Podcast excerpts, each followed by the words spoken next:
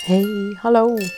Welkom bij de Contact bij Dementie podcast. Ik ben Lida Zegel en met deze podcast wil ik je inspireren om beter, misschien wel anders, in contact te komen met mensen met dementie. Bijna dagelijks denk ik daaraan. Ik maak mooie dingen mee, ik hoor, ik lees, ik zie van alles. En alles wat ik daar uithaal of hoe ik erover denk, wil ik met jou delen. En dan hoop ik jou ook te inspireren en uit te dagen om eens op een andere manier naar contact maken te kijken en misschien ook te gaan doen. Hallo, hallo. Niet schrikken. Ik ben er weer. Ja, niet schrikken. Ik ben naar de film geweest. The Father. Hebben jullie daar al over gehoord? Het is een film die draait in het filmhuis, in Deventer in ieder geval. En het is een film met Anthony Hopkins. Anthony Hopkins, een oude, bekende acteur uit Engeland, Groot-Brittannië. En hij speelt, blijkt gaandeweg de film, iemand met dementie. En ik had er al zoveel van gehoord.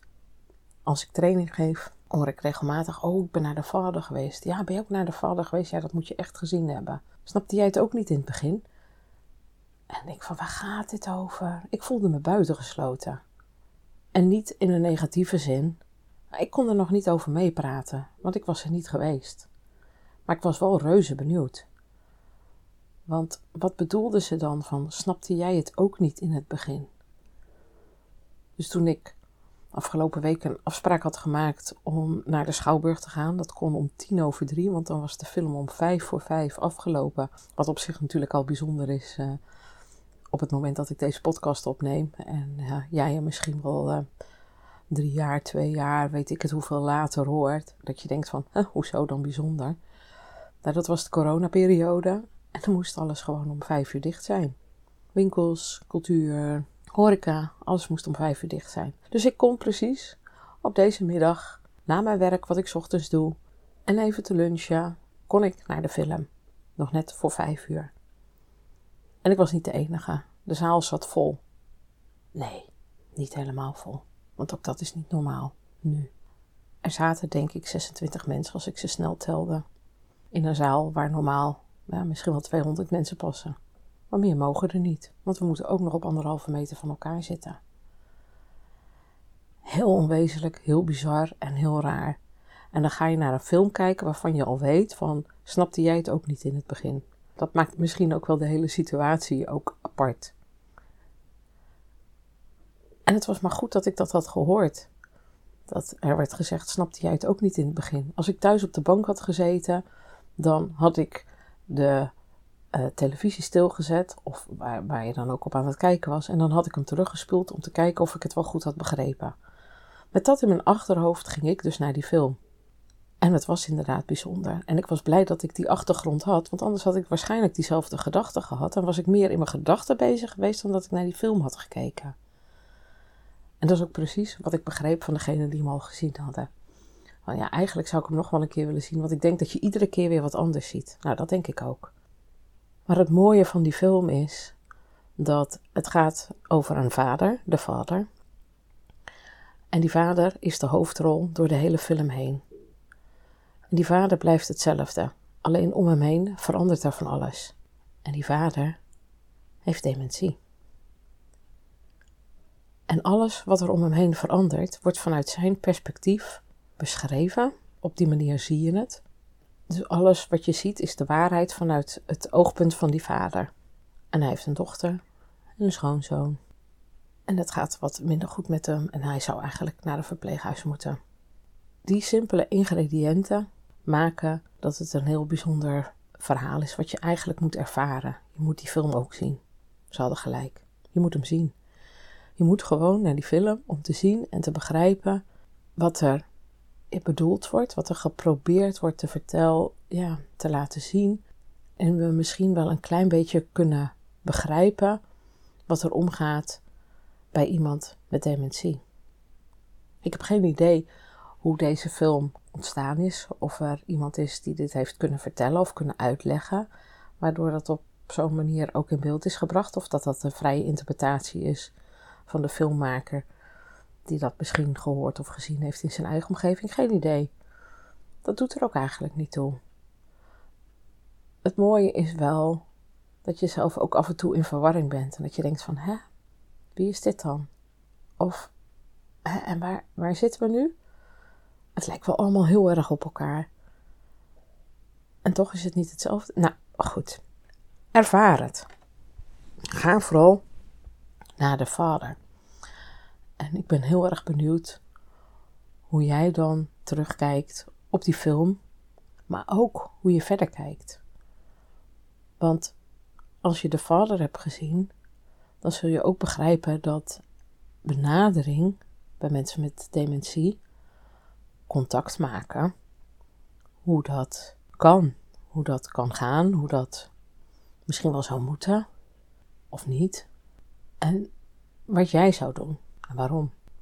Nou denk ik wel, in het geval van die film ook, de vader en met zijn dochter uh, en, en, en schoonzoon, dat het altijd moeilijk is als het jouw vader is, als jij die dochter bent, als jij direct betrokken bent. En het wordt al een stapje afstandelijker als jij de schoonzoon bent. En het wordt nog meer afstandelijk als jij een hulpverlener bent die in het leven van de vader komt. Of in het verzorgings- of verpleeghuis werkt waar de vader komt. Als mensen dan ook wel eens zeggen tegen mij van, wat goed dat je dat allemaal doet en wat knap. Dan zeg ik altijd dat komt omdat ik, het is niet direct, ik ben niet direct betrokken. Ik ben enorm betrokken, maar het is niet mijn vader. Het is niet mijn partner. Ik kan op een afstand kijken en ik kan zien wat er wel is. Ik heb geen verdriet, ik heb geen rouw. Ik stap nu pas in in het leven van de vader. En daarom kan ik op een andere manier kijken en op een andere manier doen dan dat je in een proces zit, een sluimerend proces, want het gaat heel langzaam en je schuift iedere keer schuif je weer een beetje op. Alles verandert langzaam en langzaam ga je mee. Je verschuift je grenzen, dat is het ook. Je verschuift je grenzen en denkt van ach, als het zo nog gaat, dan lukt het allemaal wel. Totdat je op het punt staat dat echt die grens ook de rekker helemaal uit is. Dat die grens niet meer opgeschoven kan worden. En dan, paf, dan krijg je het keihard ineens voor je kiezen. Want je bent continu meegegaan. Je hebt continu, heb je zo je best gedaan om daarin aan de kant te staan van, nou, zegt de vader in dit geval. En dat is echt anders. Dus dat begrijp ik. En ik gun het zo dat zo'n vader, zoals uit de film, een goede plek vindt. Een goede plek waar mensen met die blanco blik, zonder vooroordeel, zonder oordeel, naar iemand kijken en luisteren. En zien dat het ook moeilijk is en daar de tijd voor kunnen nemen. En even kunnen gaan zitten en kunnen gaan uitleggen wat er is. En nog een keer kunnen uitleggen. En nog een keer kunnen uitleggen. En nog een keer een antwoord geven op die vraag die iedere keer weer gesteld wordt. Nou ja, zonder te veel te verklappen over de film, denk ik dat dit wel de essentie is van hoe ik het heb ervaren. Want je kunt recensies lezen en iedereen heeft natuurlijk zijn eigen ervaring, zijn eigen verhaal, zijn eigen gedachten erbij. En dit is wat er bij mij vooral is blijven hangen. En het helpt mij ook weer. Het helpt mij weer om te zien en te begrijpen wat er misschien in anderen omgaat, wat ik niet altijd kan begrijpen omdat ik mijn geschiedenis niet ken of het niet weet. Ik kwam van de week, moest ik prikken bij een mevrouw. Ehm, die, uh, volgens mij was ze van Turkse kom af. En ze moest geprikt worden. En die mevrouw, eh, ze zei al in het verpleeghuis van, oh jee, nou sterkte, we roepen er wel even iemand bij. En dat wil ik liever niet. Ik wil het zo laagdrempelig mogelijk houden. Dus toen ik die mevrouw zag, gepaard en ik naar mezelf van, ik ben Lida en kom bij u en ik kom bloed prikken. En ik wees naar mijn vinger, want ze moest een prikje in de vinger. En die mevrouw begon een heel verhaal in het Turks. En ik versta geen Turks. Maar ik begreep wel wat ze bedoelde. Het was maar allemaal gedoe om erheen. En er moest van alles. En dan zit ze hier en dan moet dat weer. En dat wil ze eigenlijk niet.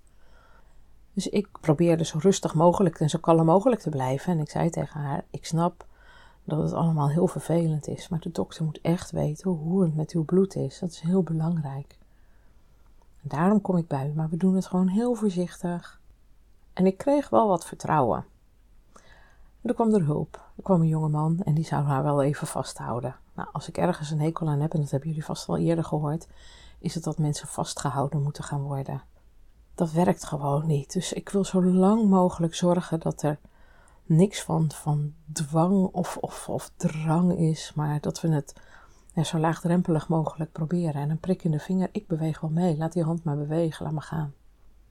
En dat zei ik ook tegen de jongen. Ik vind het heel fijn dat je er bent, maar ik wil liever niet dat je haar vasthoudt. Blijf maar in de buurt. Als er iets is, kun je helpen. Kun je mij helpen, kun je haar helpen. We kijken wel wat er gebeurt. En ik ging haar prikken en ze werd heel boos. Ze begon te schelden en te zwaaien met haar arm. Maar dat viel nog wel mee. Alleen moest ik één druppel bloed op een strookje zien te krijgen. En voor dat strookje was ze nog banger dan voor de prik. En dat lukte dus ook niet. Ik had gewoon te weinig materiaal om dat te doen. En dat, ach, dan baal je. Ik baalde zo. Dus dat kon ik ook tegen haar zeggen. Maar ja, ik baalde zo van, ik vind het zo erg. En zij was alleen maar boos. Want ja, ik was haar natuurlijk wel voorbij haar grens gegaan. En zei ik tegen de jongen van, ja, oké, ik uh, ga er nog een keer prikken. Probeer het nog één keer. Ik moet dan opnieuw prikken. Dus ik prikte haar opnieuw. Ze was verschrikkelijk boos, maar ik hield haar nu steviger vast dan dat ik de vorige keer had gedaan. En het lukte me om een grote druppel bloed te krijgen op de juiste plek. En toen lukte het. Dus kon ik de spullen aan de kant leggen, maar zelfs een pleister plakken op de vinger vond ze vervelend. Want ze begreep niet wat er allemaal gebeurde. Dat ik daarna de vader ging kijken, ja, ik snapte alles zo, ja, ik begreep het ook allemaal weer. En dat deze mevrouw de taal niet sprak, dat is nog lastiger. Want begrijp je elkaar dan wel? En ik zei ook van, ik begrijp u, ik snap het heel erg goed. Ik vind het ook heel erg vervelend, ik vind het ook echt vervelend dat het moet.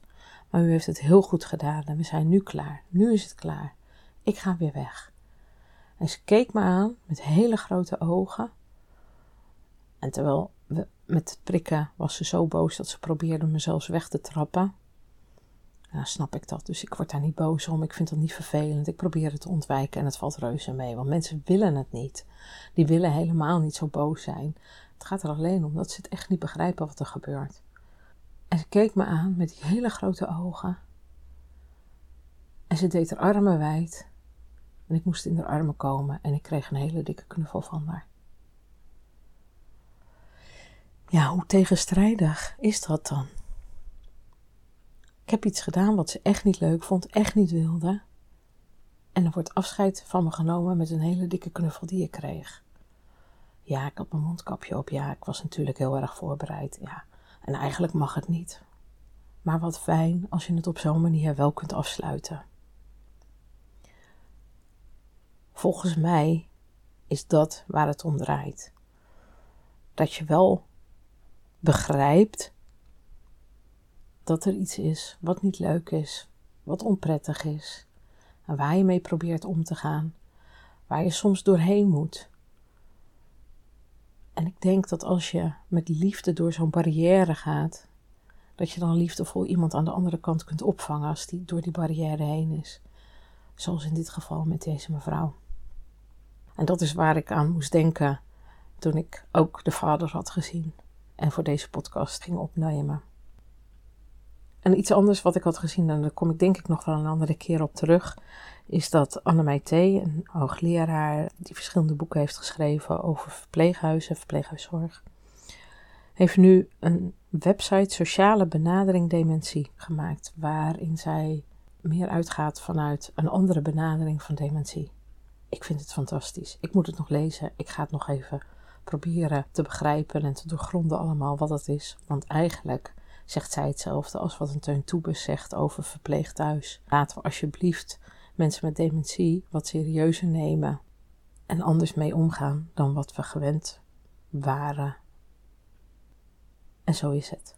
Als we allemaal dat stapje doen, want ook de Stichting Mimakkers, waar ik mijn opleiding heb gedaan, heeft een benaderingswijze die vanuit respect en rust is naar mensen met dementie. Ook een sociale benadering. En als we allemaal op onze eigen manier kijken hoe we op een andere manier contact kunnen maken met mensen met dementie, dan wordt mijn grote droom waar. Dan gaan we over een paar jaar echt anders met mensen met dementie om dan dat we nu doen. Want één ding, mensen met dementie zijn niet dom. Ze zijn niet gek. Ze hebben wel een aandoening waardoor ze verward zijn. Een aangedaan brein zorgt voor heel veel gedoe. En als wij met dat gedoe kunnen omgaan, wij zonder aandoeningen in ons brein, als wij daar gewoon mee om kunnen gaan, wat wordt de wereld dan mooi? Dat zou ik heel graag wensen voor iedereen. Anders omgaan met een beschadigd brein of een aangedaan brein. Hoe mooi zou het zijn als we daar allemaal op onze eigen manier over nadenken. En dat het straks steeds normaler wordt om daar ons op aan te passen. In plaats van dat we verwachten dat mensen met dementie, mensen met een verstandelijke beperking, of mensen met autisme, of mensen met niet aangeboren hersenletsel, zich maar moeten blijven vormen aan de grootste groep die zich normaal mag noemen, omdat zij het grootste zijn. Maar hoe mooi zou het zijn als we, net als een Annemij T met de sociale benadering dementie, Teun met zijn verpleeghuis, Stichting Mimakkes met hun eigen benaderingswijze, of Homestead die hele mooie trainingen geeft en op een andere manier mensen met dementie thuis begeleidt. Hoe mooi zou het zijn als we dat allemaal gewoon zouden kunnen doen. Fijne week. Ja, dat was het weer. Wat fijn dat je luisterde naar deze podcast. Super bedankt daarvoor. Want samen maken wij de kloof naar mensen met dementie minder groot. Abonneer je dan ook op deze podcast als je automatisch een bericht wilt ontvangen als er weer een nieuwe aflevering online is. En als jij een review achterlaat of een sterrenwaardering, kan deze podcast ook nog sneller gevonden worden. Hoe mooi zou dat zijn?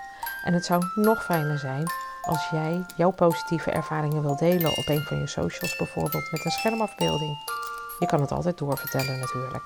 Nog makkelijker. En wil je mij persoonlijk benaderen? Dat kan via mijn Facebook of Instagram pagina van Maatcontact of per mail lida.maatcontact.nl. Nogmaals, super bedankt voor het luisteren en heel graag tot de volgende keer.